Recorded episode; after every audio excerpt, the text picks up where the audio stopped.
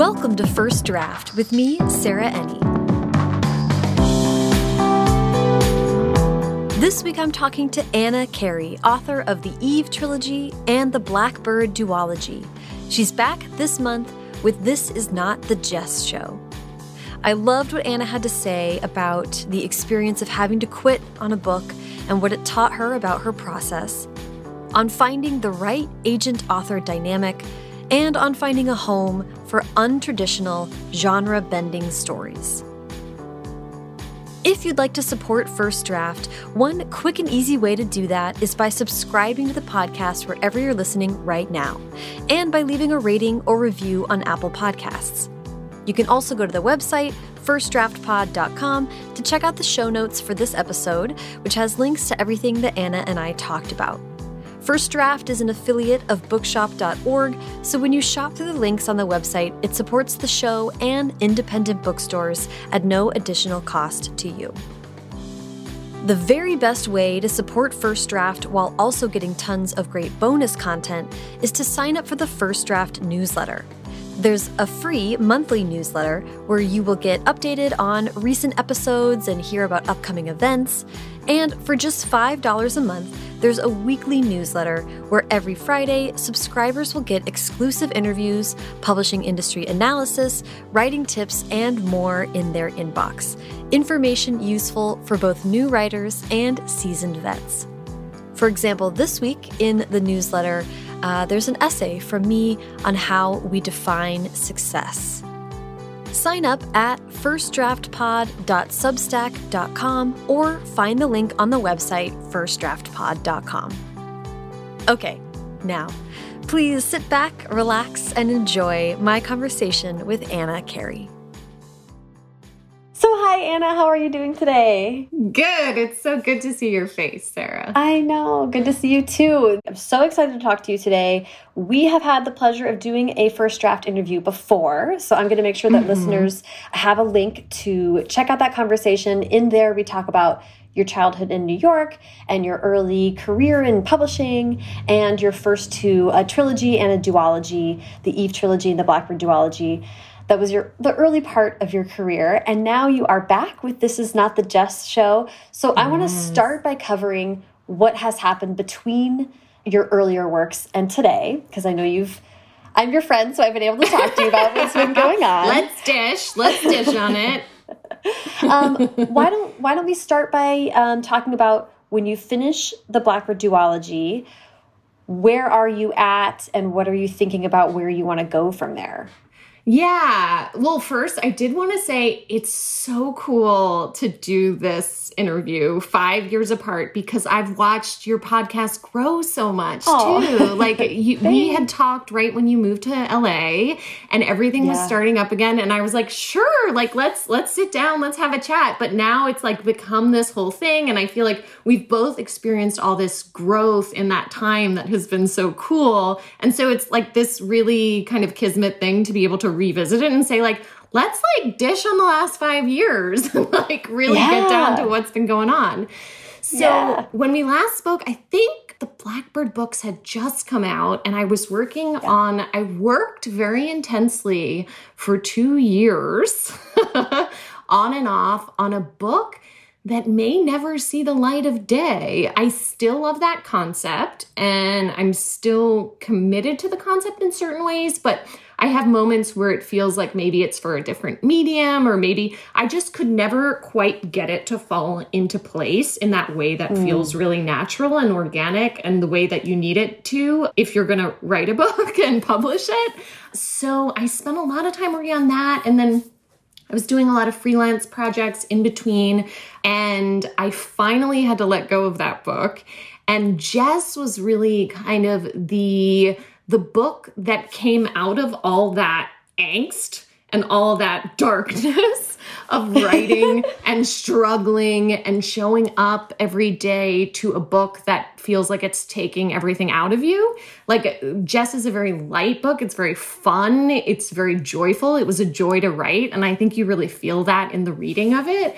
And so I don't know. I have moments where I'm like, I guess if like Jess was what I needed if that book, that other draft, um, and just going over it again and again and again was what needed to happen so that Jess could happen, I guess it all worked out. But you know, yeah. But that is that was that's a big piece of that puzzle. That um, that book that is technically finished, but not. I don't know. It's just not in publishable shape. Yeah, and I really appreciate you speaking about this. And one of the, I was just able to talk to Catie Disabato, another LA writer, and she had a similar experience between her mm -hmm. first and second book. And and though it was like a painful experience for you, I'm totally delighting in being able to talk about it because it's. I it's love talking so about it. Let's mine it. it's really like a shared experience that so many people have. I mean, I definitely have um, at least two books that will never see the light of day that I finished and mm -hmm. got into mm-hmm. some kind of shape, but just like not good enough, like you're saying. Yeah. I want to ask about about that experience and mm -hmm. what because it's also one thing for it's one thing for a writer to have shelved books before they're published because mm -hmm. it's a, mm-hmm. it's easy to frame that as like I'm still learning, I'm not there yet. But then when you have published books, you are there. You're capable of writing books yeah, totally. that are good enough to be on shelves. And then you find yourself just like hitting hitting a brick wall with a concept. What were you thinking at that time? Were friends able to help you with this? How were you contextualizing that problem? Yeah, it was a really dark time. I'm not gonna I don't wanna I don't wanna sugarcoat this yeah, it was just the feeling, right? You start to doubt, you start to become just like bogged down by self doubt. And it's like, mm-hmm. well, why can't I get this right? Why isn't this working? Part of it was that I feel like I was working, my, previous agent, she's brilliant, but it, we weren't the right fit editorially. And we can talk mm-hmm. about that a little bit. So I think that was part of the struggle a little bit that I went into it very confident, but then once we started working together, it wasn't kind of the right match. And then so I started going down different roads, and then my confidence was just being eroded with every draft. With every draft that I couldn't like nail it, I just felt a little less um, sure of myself. And so that specific feeling which is god it's so different from Jess fell into place very quickly and was just like, um, you know, I always say like books come together in these like tiny moments where, you, you know, of inspiration where you're just kind of creating the quilt or the tapestry or, you know, putting it all together, use whatever creative metaphor you want.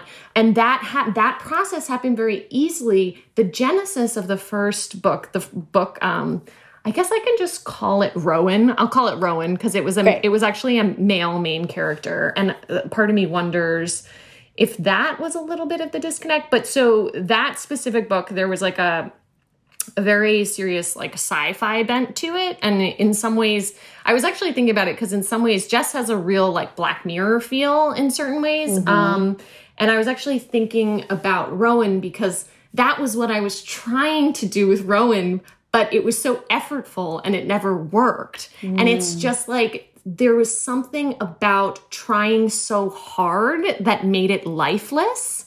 And mm. once I lost the life of the writing, it was very hard to get back. So I yeah. wrote that book, I wrote a full draft, and I do think some of the writing in that first draft, I think is some of the best words that I've written. I wrote it while I was falling in love with my now partner, husband. And there is something like very electric in those first pages. But because I didn't have the plot in place the way I wanted it to be, when I went back to kind of work on the plot and the structure, as I worked and worked and worked, it's like, yeah, it just, the energy drained out of it. And it started feeling yeah, lifeless, lifeless. I don't know if that makes sense to you. I had always been the type of writer who really plotted and outlined before I did anything, before I even write one page of a novel, I will write a 20 page, incredibly detailed chapter by chapter outline. And so I'd always done that. I did that on all the Eve books. I have a middle, I had a middle grade paper rack series that I did that for, mm-hmm. Blackbird, really pinning down all those plot points. And that was kind of the just the way I worked with my old editors and my old publisher. And that's kind of how I had set myself up. And there was such a, a desire to break from that process and oh, I'm just mm-hmm. gonna do it. I'm gonna be all of a sudden I'm gonna be a pantser. Like all of a sudden I'm gonna yeah. just write the thing. And I completely changed my process. And part of that was under the guidance of my old agent. Like, you know, she was kind of like, you don't need to outline, like, just write it. And I think mm. some really amazing stuff came out of just writing it. But when I look back, I think it was like that kind of rejection of the process that allowed me to have the space to be free and write mm. well was part of the problem. Like, never again will I write a book without outlining it first. I mean, which sounds, I know that maybe doesn't sound as magical, but like that personally is for me what I need to do to make my process work so that I can then have the mental space to play and to be fun and to be funny and to be heartfelt and to make the reader feel something. You know, if I don't know where I'm going, that's death to me. Like that is the death of yeah. the writing. Like the the words just don't land. And so I think that was a really powerful lesson that came out of it. This realization that like that is your process. Maybe you want to be some cool writer who just like puts the words down and like it just comes out a certain way, but your process is that and there's a reason why it works for you and it has worked for you. It's like that is just what I need to have the the additional space to play. You know, if I know where I'm going, then I have a lot of uh, uh, uh, of confidence. You know. Yes, that is exactly was going to be my next question. Was that I I also outline way ahead of time, like a, a long synopsis, and then also a chapter by chapter, and and I, lo I love how you're saying that, that if you know where you're going, almost like when you have a road trip and you're like, well, I know I'm ending up at mom's house, but then I'm going to do this detour and I'm mm -hmm. going to go to this or mm-hmm. whatever. And you're like, I know I'm going to get where I'm going. And then I can have fun and improvise along the way and we'll have all those great memories, but I am going where I'm going. Yeah, I have these five touchstones that I'm going to hit. And I think yeah. when I started that that book, I maybe had two touchstones and I convinced myself mm. that that was enough. But like really especially because the the books that I'm interested in writing are the books that I'm interested in reading in the sense that they're twisty, they're fast paced, mm-hmm. they have a lot of turns you wouldn't expect, they surprise. Like I love being surprised as a reader and so I'm always trying to replicate that feeling that like, oh, I should have seen that coming. How did I not see that coming? And to do that, to write a book like that you have to be so in command of what's happening at every page, at every stage of the story. And like that's just the type of writer I am. And I, I think like maybe the last five years has been like coming to an acceptance about what I need and how I need to work to be successful, to write a book that works, you know, that I feel good about.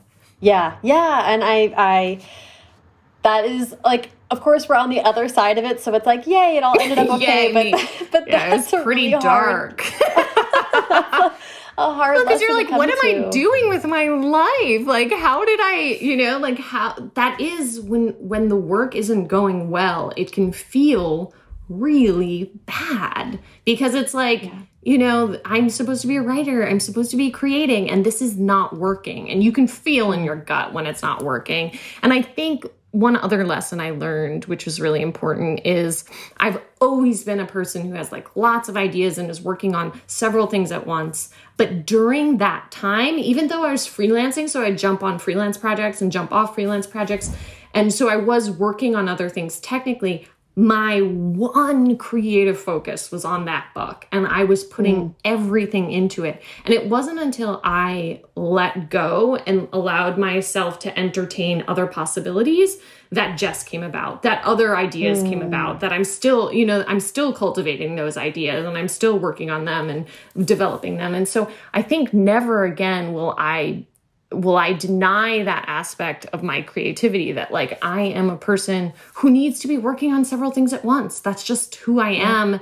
And like I think I think I was caught up in a lot of ideas. I wanted to be a serious, you know, like I want to be Mm-hmm. serious. Um, Yes. and I want to work on one thing and one thing only, and that's just not organ- who I am organically as a, like a writer and a creative. I I'm so compelled by what you're saying because there's a lot of it's isn't it such an odd twist? I was just thinking about Big Magic by Elizabeth Gilbert today because of how much she talks about these ways that we have of romancing writing that are actually like kind of really toxic and strange mm-hmm, ideas. Mm-hmm. and that being one of them like i should be staying up all night and drinking whiskey and like having i mean like Yeah. these ways of of being that are not necessarily a healthy or be productive or see good for our creative mm-hmm. individual selves.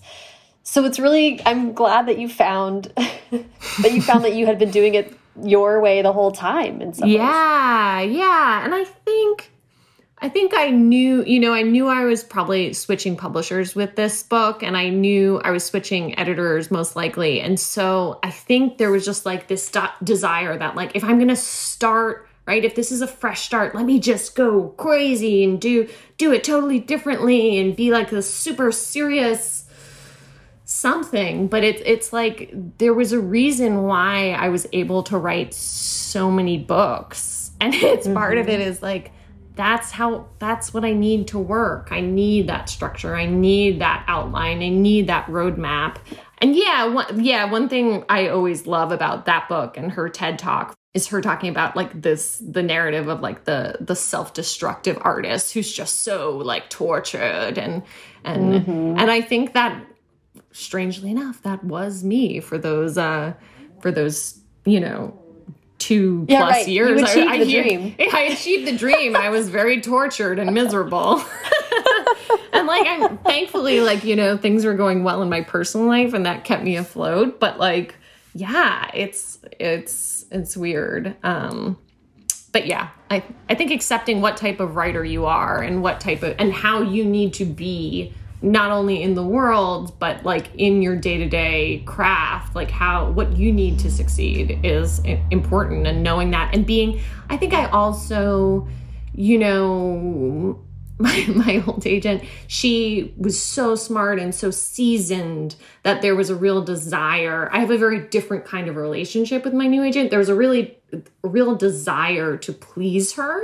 And i think mm-hmm. i really wanted to impress her. And i just felt like mm. so lucky that she was you know my agent. And she is amazing in so many different ways. But that dynamic right as women there's usually a people pleasing aspect. A lot of i mean if you if you're a woman and you don't have that i bow down to you because that, that is like but i do think there's a lot of like ingrained people pleasing and for me that is something i've struggled with i've struggled with perfectionism and so you know that is not wasn't the best dynamic for me now my agent is much more it's more of like it's more of like a partnership, like a colleague. He's the same age as mm-hmm. me, about the same age as me. And it just, that dynamic works better than for me than like this idea of kind of like the work mom whom you're trying to impress. Like that actually Right. didn't work well for me.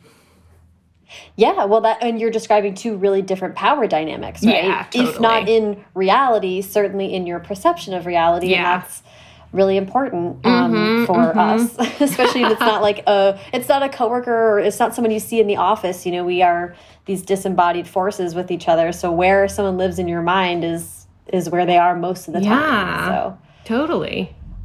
Um, I want to ask about a little bit about the freelance work that you did, and then come back to the question of finding new rep and um, and finding the Jess show. But um, it's just something that I'm curious about, especially from the point of view of any listeners who are looking to find other ways to make money writing. Um, if they're slower writers or things like that, if they're looking to pick up freelance, I'm just interested in what I'm interested in both your perspective as someone who's done it, and also mm-hmm. in our last conversation, you talked about when you were a professional in the publishing industry that you worked for movie tie in books and things like that. So I think mm-hmm, you had a mm-hmm. hand in hiring freelance writers sometimes. So if you could just talk about, like, within the world of publishing, if you want to do this extra your own personal books type of work, what how could that potentially look like? What have you seen? It's just something I'm interested in people knowing as an option. Yeah, no, for sure. I think it really depends on what type of writer you are, which what kind of freelance work you should pursue. Like for some people, obviously like we have friends who do more journalism work where they're like pitching mm -hmm. ideas to magazines. What I was doing was very specific and and it came from my my just my experience in that world which is adapting movie and tv tie-ins. So let's say like the iron man movie comes out they do 10 books with it and there's a variety of different formats. And i because i worked as an editor in that field i had already oftentimes those editors have already written some like if you're an editor you sometimes like go in and write some of those books if the if the budget allows for it or if there is no budget and you need to you know? Yeah. So i had already had a lot of experience in that and so that and contacts in that world. So that's kind of how i got started. And those are like really tight timeline books where you're kind of reading the script for the movie or the tv show and then producing a book based on it. Um, but I've done other, you know, I've done a lot of famous licenses that uh, I will not name specifically, but that you would know and are like those famous, you know, like the Babysitters Club. I have not written a Babysitters Club book, but I'll use it as an example. You know, anna Martin this is going to make some people sad, but Anna Martin did not write all, what, 200 Babysitters Club books. Yeah, 1,000. Um, yeah, 1,000 or however many are out there. Um, you know, the, those books were written, a lot of them were written by ghostwriters who took that initial book or two that she had written. I, I don't know how many, I think she's written a whole bunch of them, but like took the ones that she had written and kind of mimicked her voice and did it that way. Mm-hmm. And so I think if you're a really fast writer, if you're good with deadlines, and if you can uh, shift very quickly, like that was something that I would do for a couple weeks or two weeks, three weeks, and then I jump back into my own project. So you have to be able to kind of like switch your brain very fast mm-hmm. and kind of pivot on a dime. Uh, you have to be able to mimic other people's voices, which is which is like quite frankly something a lot of writers are not interested in doing because I think there's like a genuine concern for me for me I don't have trouble with that and I I believe my voice is like its own specific thing and I've over the years been able to like keep it all separate but I think there's a very genuine concern that like if you are mimicking someone's voice all the time, what happens to your voice? You know, if you're like dropping right. into all different voices. So I think if you're like a fast writer, if you can mimic voices, that's like a good option. It's hard for me to give advice on how to get in because I think I think that was something that I had started doing when I was like 21 when I worked in publishing. So it was kind of like a mm-hmm. natural evolution for me. But there's also like, look, I've known people over the years who have done a lot of writing for websites. And so mm-hmm. in their mind, if you're writing nonfiction for a website, that's a totally different thing, right? Than writing a creative writing a, a, children's book for like a specific license where you're mimicking a voice. And so for them, that was like a more like a safer, more comfortable place to freelance because it it really was something totally different than their own creative work. So I think it's like a lot of it is around comfort like your comfort level and and truly like what you have the bandwidth for because i mm. do have friends who have said to me like i would never want to do that and i could never do that because it's just like working that quickly is not appealing to me. That's not um like that's actually stressful. That would stress me out. Um but so I think there's a lot of different options. But then look, I have moments that is how kind of like my career developed organically. But I have moments where I'm like, man, if and and we have a friend in common who, you know, wrote her book very early in the morning when she was working in finance. and so I have moments where I'm like, wow, I mean, I guess it is if you can pull that off, if you can get yourself three hours of writing in the morning and then go to a job that does not use your creative brain at all, like maybe that's actually the dream, right? Because then you're not using any of your creative resources all of that juice is going back to yourself and whatever work you have. So I think there's so many different ways to do it and there's no one right way it's like more about figuring out what's right for you yeah that makes sense. yeah sense. and i it totally makes sense. And I love I love that the theme of this so far is just like really you have to be honest with yourself about your process and what you what works for you and what allows yeah. um, the work to flow. Um, okay, thank well, thank you for talking about that because I think it's a really interesting thing that people should be aware of um, is out there. If you can write, you can do it in a lot of different ways. But let's go back to the to the you know, I love talking to people about things like this when they happen in their career about having to shift. And in your case, really realizing this wasn't working. And I'd love to talk about the process of realizing that you should seek different kinds of representation. Like, how mm -hmm, did that mm-hmm, go? Mm -hmm. And how did you actually make that switch? Yeah, I mean, it's a hard, that was really hard for me. I feel like I'm like, I don't want to say loyal to a fault, but like I want things to work out with an editor, with an agent, like like most people, and not because I'm desperate or in like a place where like I need it to, but just like I don't I don't want to break off relationships, professional relationships. That's not like that's never an ideal for me. And I usually like most people, I think I'm learning, but I sometimes wait mm, a little too long, you know? Um, but uh, what I will say is it was really a necessity for me in the process of writing that book that never went it became a necessity in the sense that i had heard and you know the first thing that happens right is your friends see that it's not working mm-hmm. Like mm-hmm, everyone around mm-hmm. you sees that it's not working, but you're like still telling yourself like, well, well, maybe like it's like optimism to a fault. It's like, well, maybe she'll like this draft, you know? Um, and, and it's interesting because we have um, people in common who've had the similar experiences where it's just like it's just not the right fit and like in your gut you're feeling that but you also don't want that to be true because yeah. then the floor is completely gone from out from underneath you and you like have to start all over again with someone new mm-hmm. and that's really daunting and scary um so i think i just got to the point where i was so fr- frustrated and i don't say this as anything um against her. Just frustration with the process and feeling like we were not seeing eye to eye. And and that i mean this is the truth of it that the that i had let the book get so far away from what it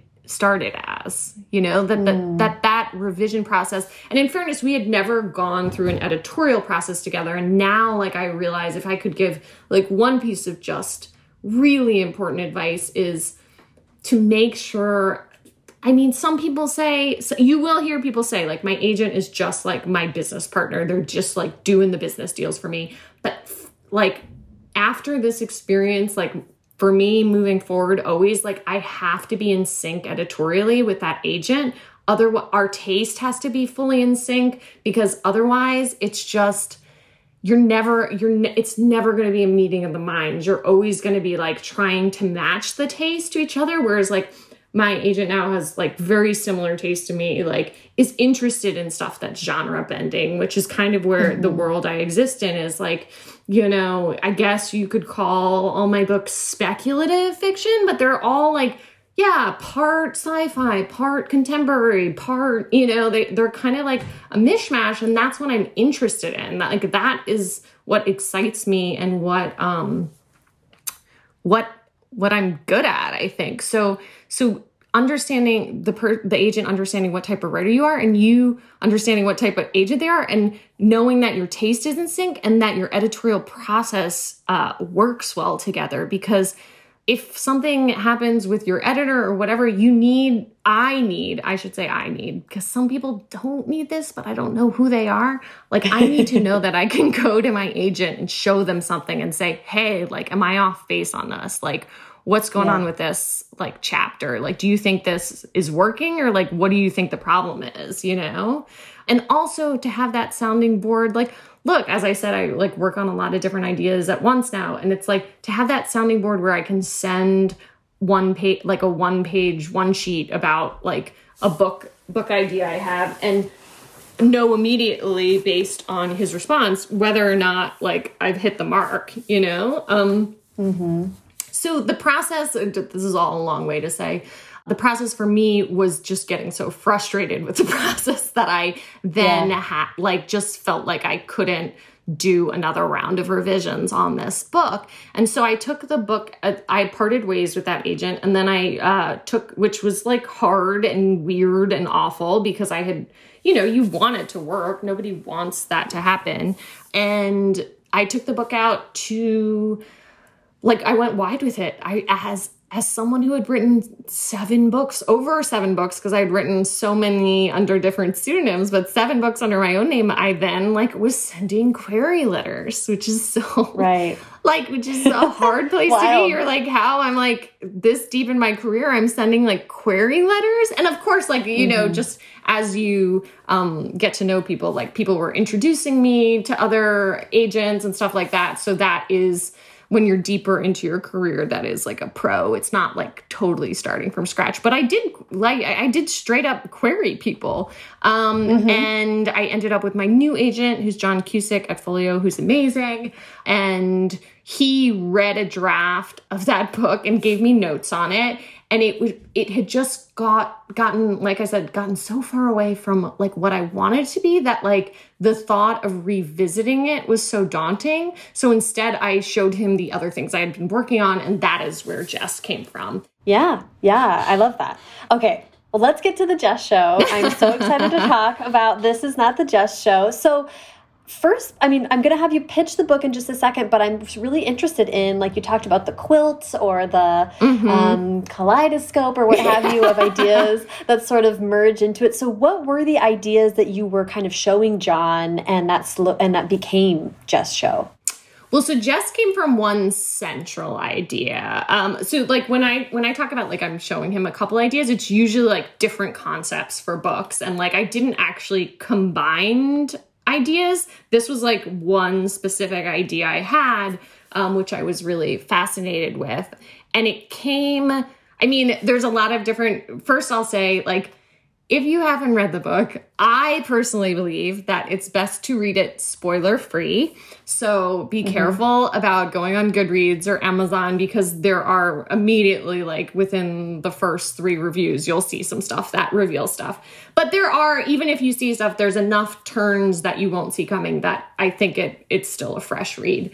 But this specific idea came from one central place and then it was more about like cobbling together all these different ideas i had about social media and influencer culture. But the first scene that kind of came together which is really like becomes a very big scene in the book was my dog olive was sitting next to me on the couch one day and she rolled over and she has like many female dogs has a very distinct scar on her stomach. And i went to rub her stomach and it just was not there. And so I started freaking out and it sent me a little bit into an existential tailspin where I'm like, is this my dog? What is going on? And it got me thinking about like, what is the scenario, right? Where this isn't my dog? is there a scenario or a situation where this actually could be like a replacement dog or something? So I started playing with that idea it was around the same time as a very famous movie was hitting its 20 year anniversary. And I started kind of thinking about that idea. But then I'm also, I've always been fascinated in with social media culture and influencer culture and kind of uh, this existing in two different worlds, like people's image Instagram versus reality is essentially like what mm-hmm. I'm saying. It's like someone's image that they're presenting to you online, and then does it line up with who they actually are? It was also around the time where, uh, I mean, this is this is ongoing, but sharenting culture is a thing. So I don't know if you've heard that phrase. So no. sharenting, it's just sharing, parenting. You get it, sharenting. But it's like these mommy bloggers who have been online now for like 12 years, 13 years. These kids who have been photographed and taped and raised essentially as part of their their family's uh, social media account Footprint. and yeah profile and imprint or what, what's the word i'm looking for their image online are now coming of age and realizing like they're about to start their own instagram account and they're realizing they actually have a whole internet footprint where they've been online for 12 years and people have a sense of who they are already and so there's a lot of kids who feel like that's kind of cool and they're like interested in that. And then there's other kids who feel like I didn't want that for myself. That's not even in line with who I actually am. Um, so mm-hmm. this is my parents' image of who I am and who they want me to be and what they've projected to the world. And so like really balancing all of that and pulling that all in. Because those are all, I think, like really for me, all my books come from a question and like something questions and obsessions. And that's certainly like an obsession I have, like thinking about about what that does to someone to be uh, so public so early and to have an online image so early. Mm-hmm. That has Ooh, been crafted yes. okay. by a parent, yeah, which is also really yeah. weird. Yeah. Well, and then what's what's another factor in there is that not only is the parent crafting the image of their child, but it's for money. Yeah. Like the child yes. is I mean, we're back to back to like farming days when you had 13 kids because they had to work for free. Mm -hmm, like mm -hmm, your mm -hmm. kid is helping your family stay afloat. So then if they decide they don't want to be a part of that anymore, that carries so much totally, yes. complication to it. Yes that's a lot to put on like a 13 year old who's deciding they want to have their own Instagram or have a goth phase and not have yeah. it be on Instagram. yeah, um, totally. And I think I think like I, I don't know how you feel, but I my parents definitely have ideas about me about who I am that are not in line with who I actually am. you know, mm -hmm. like I mean 100%. I think you know that's like probably one of the struggles of being a parent is like you know, letting your child just be as they are versus who you want them to be. And so mm-hmm. you're bringing a lot that's very heavy. You're bringing a lot to that image you're creating because it's all your like hopes for them, all your projections of what you what didn't happen for you or what you wanted, you know. Yeah, that's so okay. So so I love that you kind of set the stage for what was like boiling together um, mm -hmm. to make mm-hmm. the book. So now, do you mind giving us the official pitch for the Jess Show? This is not the Jess Show. Yeah, for sure. And again, this is going to be the like coy, spoiler-free version. that I also acknowledge that there's some people are just like, come on, just tell me what it's about. For those people, you can go on Goodreads and you will find out very quickly the like the like you know not so the very like straightforward this is this is the concept but um, the book takes place in 1998, so there's a ton of 90s nostalgia in there. Jess Flynn is a junior in high school, and she has always had her life's very, you know, normal. She's a typical teenager in a lot of ways, although she's always had this gut feeling that something is not right. And one day, a small black metal object with an Apple logo on it falls out of her best friend's backpack and lands at her feet. And it sends her on a quest to figure out what is going on in her world. And she wants to know the truth about her life and everyone in it. So, yes, that is kind of the quick pitch. It has a lot of twists and turns, it's very fast paced. I hope it will keep you guessing. And people have described it as having Black Mirror vibes. For those of you who grew up in the 90s, people have described it as having my so called life vibes, which I really love. But, but yeah, that's, that is Jess. This is not the Jess show. Yeah. yeah. That's amazing. Um, I'll, I want to ask about getting into 90s frame of mind and mm -hmm. then and then I I'm like we can see how this works. But I do have a couple questions that would be like not spoiling the whole thing, but like a little bit later on. Yeah, but we'll just see if we can yeah, we can give we people can, plenty of warning yeah. and ability to pause. Um, but first, the the the ninety of it, the nineties of it all. Yeah, I love that it was nineteen ninety eight because I don't know how you feel about it, but for some reason in my head, nineteen ninety eight is I think everyone has the year where they're like, oh, it was just that year. It's just my mm -hmm. my reference year that I'm always like, well, you know, like in 98, it just is the year that I use. So when I heard that that was what year it was going to be, I was like, oh, yeah, I've, I, part of me has never left 1998, I think. Totally, so why did you totally. choose that year and how did you reacquaint yourself with the reality of that time? Yeah, so um, this is another spoiler. I am old. so I was a junior in 1998, and I was a ju- I was in fact a junior in high school in 1998. So that was part of it. It was like this really fun way for me to kind of like you know when whenever you're writing young adult fiction you are tapping into that younger version of yourself. But as someone who grew up as a junior in 1998 i was not only tapping into like the younger version of myself but like we shared jess and i share a lot of similarities because we were that age at that exact time on Long Island. It takes place on Long Island. Mm-hmm, so it's mm-hmm, like, mm-hmm. so she is by far like the most similar to me as, as any of my characters. Like there, there's a lot of me in all my main characters, but she is by far like our experiences are by far the closest to each other. Um, mm-hmm. so so yeah, so I love the idea of going back to my high school experience.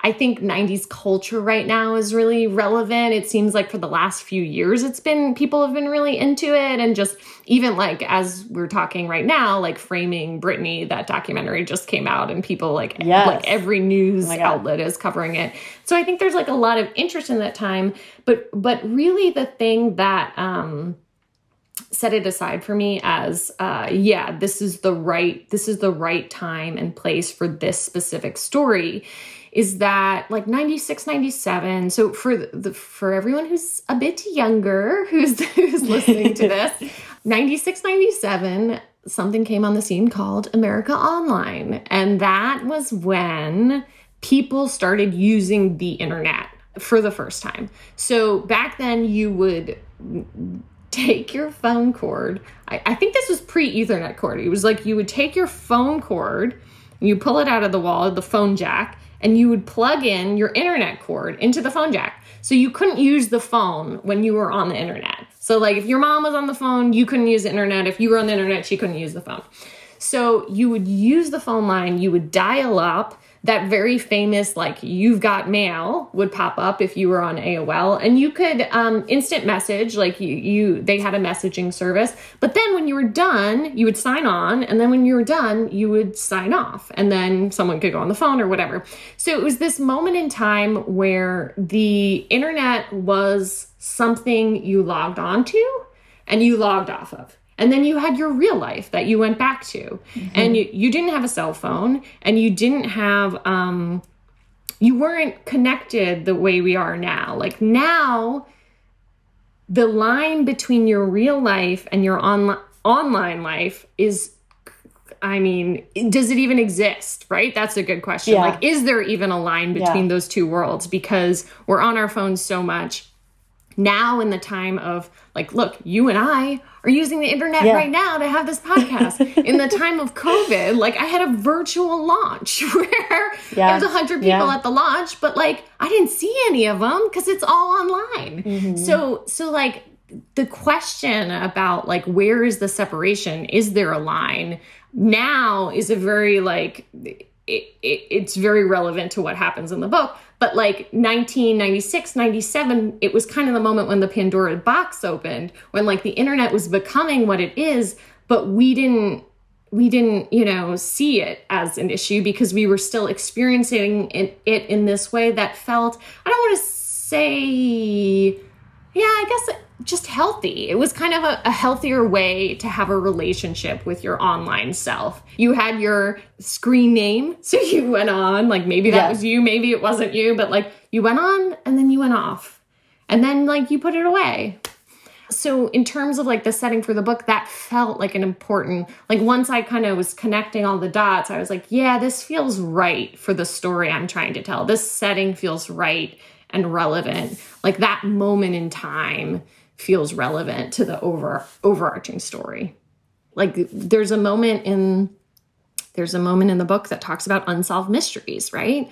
And so I'm I wrote the first draft and I was like, damn, like maybe I should take that unsolved mysteries uh, reference out because that's like kind of a 90s deep cut, right? Like, yeah. and so, and for those teenagers who are listening, like in the 90s, Unsolved Mysteries was on network TV. So, like, you turn on channel, I think like two or four or seven, I don't remember what channel it was on. And Robert Stack, who was the host, would be like, you know, maybe you can solve a mystery and then like the, you would get these like really intense reenactments which are amazing because i've watched some of the reruns recently um, and they're like so dated looking uh, and hilarious but what's so funny is I, I went back and forth i was like should i just take this out this is like nobody's gonna understand this but now like after i finished the draft of the book the book was about to come out and unsolved mysteries is streaming on netflix the revamp mm-hmm. made by like executive produced by the Stranger Things guys.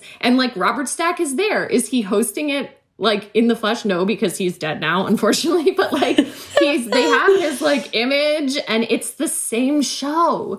And so like it's yeah. like everything old is new again.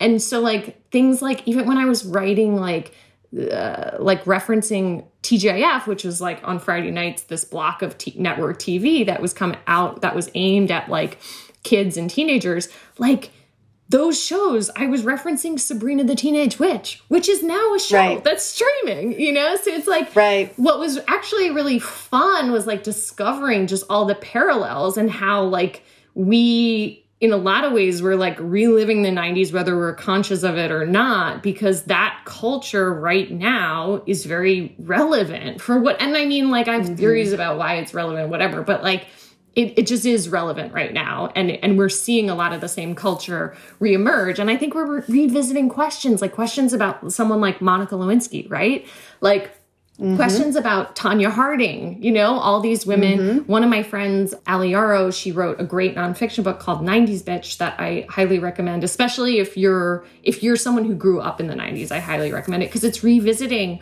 all of these uh, women in the 90s Maligned who were so women. vilified. Who's the Anita Hill, like all these women who were so vilified that we're now and and like look, Brit, Britney. I think out of all of them, Britney's like the least case. Please, please don't come after me, free Britney people. But like, but like you know that kind of thing where you're like, who was this person and why were they so vilified? And like, really, it was the culture at the time, not who who they were. You know.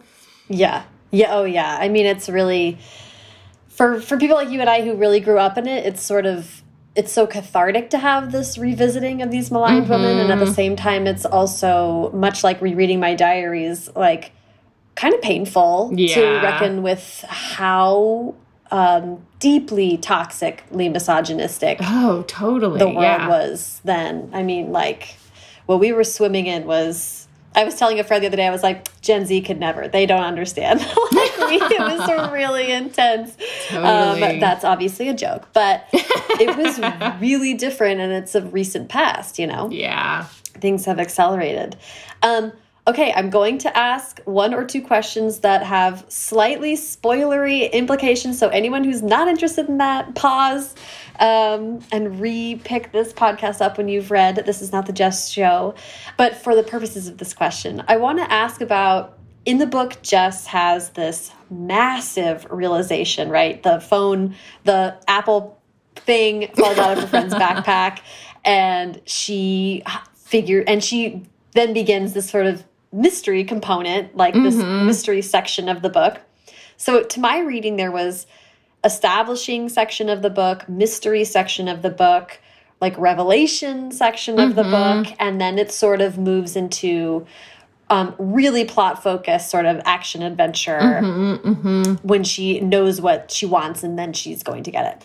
So that's a lot going on there. And it struck me that I was like, wow, Anna, there must have been so much going into the thinking about pacing for all of this. You're you're really you really are twisting and turning your reader a bunch of times.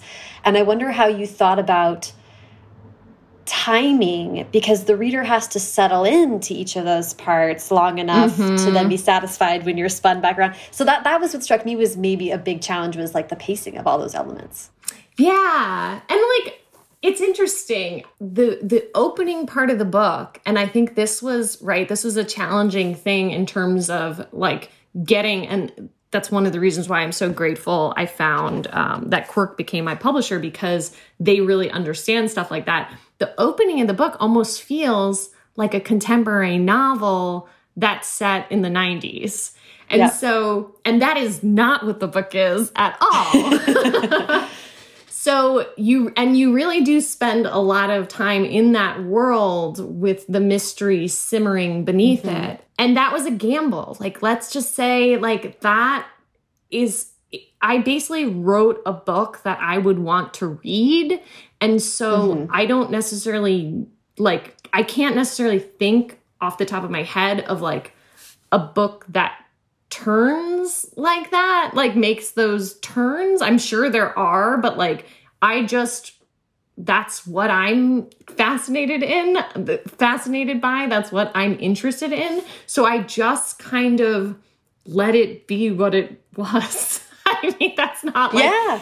So, and then I hopefully like gave the reader enough to really enjoy the turns. There's one of my favorite turns in the book um, is about a boy who really likes Jess, and that's all I'll say about him. There that he's pursuing her, and so there's a lot of surprise around that character and I personally was delighted by that. So I just trusted the fact that this is after years of right not trusting my process. I just trusted the fact that if I was really charmed and delighted by it that that would come through in the writing and that mm-hmm. uh the the laughs and the turns would work if they worked for me.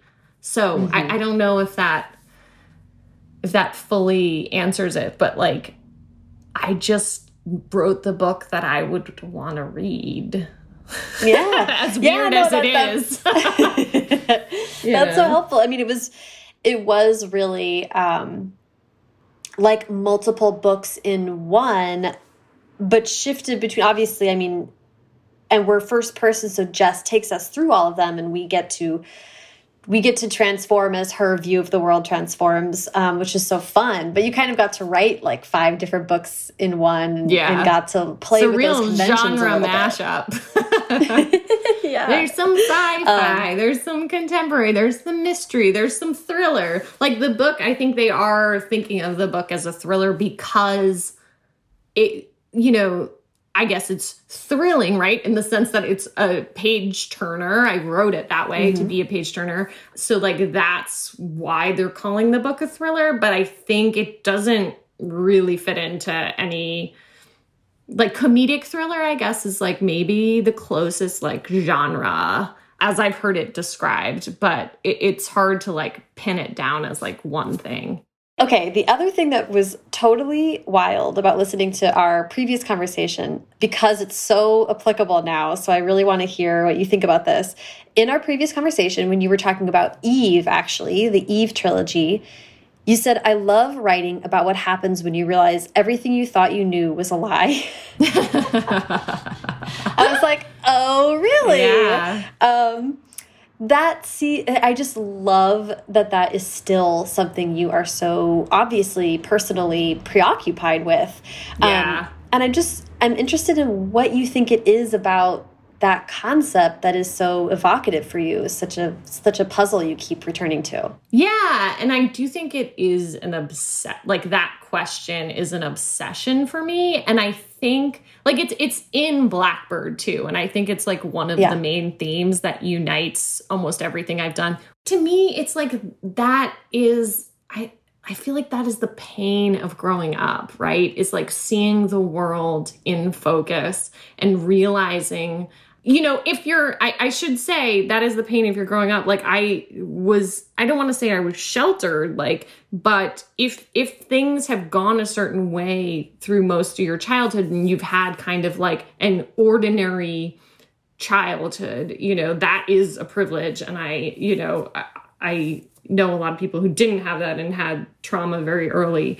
But for me, I had very kind of like a typical upbringing and i think like it can be very shocking that moment that you realize like you know the world actually exists is totally different than like this small version of it that i accepted as as reality. And so i think there's a lot of different aspects of it to me. I mean i think the real truth of it was that i was very i was living this is like going to get really intense very quickly. But like I was living downtown during 9 11 and I was 18. And so I think that was also part of it is like a lot of my characters are 17 and 18. And it's like the shock of like, realizing that the world we live in is a lot more intense and a lot darker and a lot more complicated and scary than you thought it could be it was or it could even could be you know? So i think that's probably i mean if i was going to psychoanalyze myself I, probably uh, where, yeah that know? would probably do it. But but i think it's a i think it's a lot of other things too. I think it's you know everybody has that experience of like seeing your parents as they actually are. That's a big part of jess is like realizing mm-hmm who her parents actually are versus who and like look my parents are great i like but but i do think you know seeing people as they actually are is like a hard part of growing up seeing the mm-hmm. world as it is realizing um you know i think that's one of the things that i think is so painful about high school is it's almost like your first taste of how the world is like gonna receive you in some ways you know? Like mm-hmm. like i've like people have asked me a lot of times like what's the difference between writing middle grade and young adult novels? And for middle grade specifically like so much of that time to me is about that ch- those changes that are just happening in your body in your world. Like you are changing so quickly. And like even when i do school visits like you'll see like if you go if you do like a sixth grade class a seventh grade class an eighth grade class those three years those kids are so distinct and so different and in such different places in their mm-hmm. experience it's like you're cha- you just change so so quickly and so fast and everything's changing and it's really intense but in young adult stories like when you're 16 17 it's almost like you're getting and like this is what's really hard. It's like you're getting that first taste of like how the world is going to treat you. And that's really shocking and can be very painful. And like i hope for a lot of people that like you know you know then you kind of break out and of course like high school is terrible in a lot of ways and like in some ways the world is the, the outside world is a lot better and you can find like a like i don't want to say that it's always going to be that way but i think that's what's shocking is like there's a there's a is it reality or is it like that darkness that like unkindness that like mm. you know it kind of starts poking at you and it can be quite shocking I do think teenagers are so much more aware now, you know, and that's part of like yeah. that that part of that is like being online all the time and on TikTok and being exposed to different things and being just like the culture they're consuming is just so much more progressive. So like that is hopeful. Mm-hmm. That's very it's definitely like a point of hope, but certainly our generation growing up, it was quite shocking. well, I know. And then actually, you know, I mean, listen, not to be all um consider the millennials about it, but we had a pretty, we had a few things happen to us pretty quick that really, you know, shook whatever path we thought we were going to be on. I mean, you mm -hmm. were there for 9 11. I graduated into uh, September of 2008 and was trying to get a oh, job. That's right, the recession. Yeah. The, yeah. Uh, um, yeah. And all of that stuff. So it's been, there have been a series of things that have happened in our generation that have been like, I think we've been the, uh, this is over dramatic, but I describe it to people like we were the first wave on the beach and we're just like getting mowed down and Gen Z is behind us and we're like, I'm glad you're here, but please like recognize that we were trying our best. You know, we were prepared I for wonder, this. I wonder, like, right, the COVID and the pandemic is like that's creating a whole new generation. Like those, you right. know, what is it like to be in high school right now and to have your senior year? You know, like it is. Ugh, it's like a. I know. It it feels like this is. I guess maybe every generation feels like it's just like extraordinary, but like these do feel like really extraordinary times. You know. Yes yeah they do and and every generation get has to have extraordinary mm -hmm. things that begin to bend and shape them to what what mark they're going to leave um, on the culture or whatever vague thing we're talking about. But as as human beings all together, we decide uh, to change our minds about a lot of stuff, and this mm -hmm. is mm-hmm. good. This is a huge moment for that. Mm -hmm. um, Oh my gosh. Okay. Well, I'm not going to ask too many more super spoilery things. I'll ask you uh, when we're actually hanging out together. but I love this was so fun to to read. Um, I do need to ask. Um, this is this is not the Jess Show. Are we talking about the fact that it is not a standalone and that you yeah of course so there okay. is a second book coming out it comes out i'm writing it now it's coming out in 2022 so i do think the book it was written to be a standalone, but I think I realized uh, it would be fun to write a sequel, and like the publisher yeah. wanted a sequel, which is great. Um, so there will be a second book, and you'll learn much more about Jess's world and everybody in it. Awesome. Okay, I'm very excited about that. So, um, as you know, I just like to wrap up with advice. You've given amazing advice already, but um, you know, I guess if you have anything to say, I'd love to hear about advice for someone who is interested in bending genres or combining genres. If you have any words about how to approach that kind of unconventional, I think stuff that people are worried about finding homes for. Yeah, I think, right, that is the struggle when you're doing something that's kind of a genre mashup or that doesn't fit neatly into one category. It's like if you're going to a traditional publisher, they are going to say like okay is this a thriller? Like is this a post-apocalyptic? Is this adventure? Like what is this? And how do i neatly fit it into this category so that our sales team can go out and if they have god however many titles that they're selling it's very clear to the bookstores what this type this one single title is.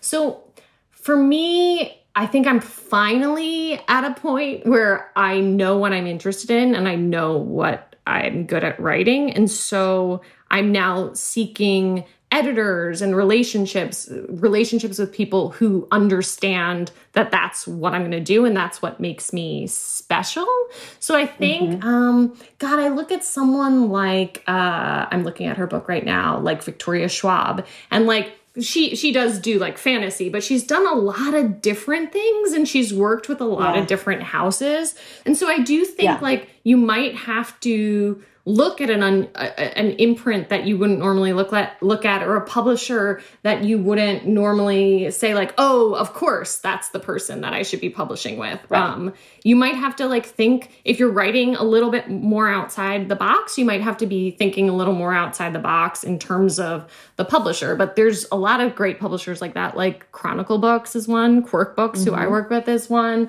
uh, Tor I know they do mainly like fantasy and uh, sci-fi but you know these these places you can kind of have a lot more wiggle room in mm-hmm. terms of in terms of what kind of what kind of books you're writing i'm trying to think what else i think i don't know i think like write what you want to read that's the thing right i mm-hmm. i just would like to read like i genuinely this is like one of the types of books there's a lot of my personality in it but i think i also like genuinely would like to read this book i think you know hopefully it, it exists for two markets and it exists for you know teenagers uh, as a young adult book who you know might be interested in 90s culture but also for women like myself who grew up in the 90s you know and want to mm-hmm. dip into that mm-hmm. nostalgia and you know, hopefully it's a fun escape in these times. Yeah, it was fun to return to the 90s and it was fun to also escape from the 90s without giving too much away. It was like, yay, this is the catharsis that we're all yeah, kind of going through at yeah. this moment. totally. Um, this was so great, Anna. Thank you so much for giving me so much time today. I appreciate it. This was so fun. Thank you so much, Sarah.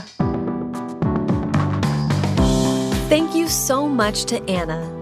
Follow her on Twitter and Instagram at Anna Carey Books. And if you're uh, wandering in the TikTok space, uh, she's a great follow there too.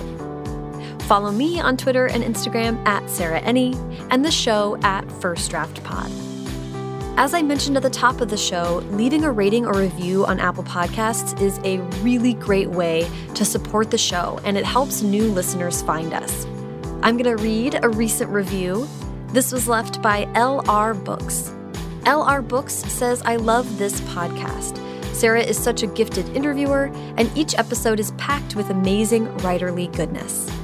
I so appreciate that. Thank you, LR Books. It's very sweet, and I appreciate your time, taking time out of your day to leave that review. If you want to hear your review read in the uh, credits of this show, there's one way to do that. Find your way to Apple Podcasts and leave one. First Draft is produced by me, Sarah Enni. Today's episode was produced and sound designed by Callie Wright. The theme music is by Dan Bailey, and the logo was designed by Colin Keith. Thanks to social media director Jennifer Nkosi and transcriptionist at large Julie Anderson. And as ever, thanks to you, Jagged Little Pills, for listening.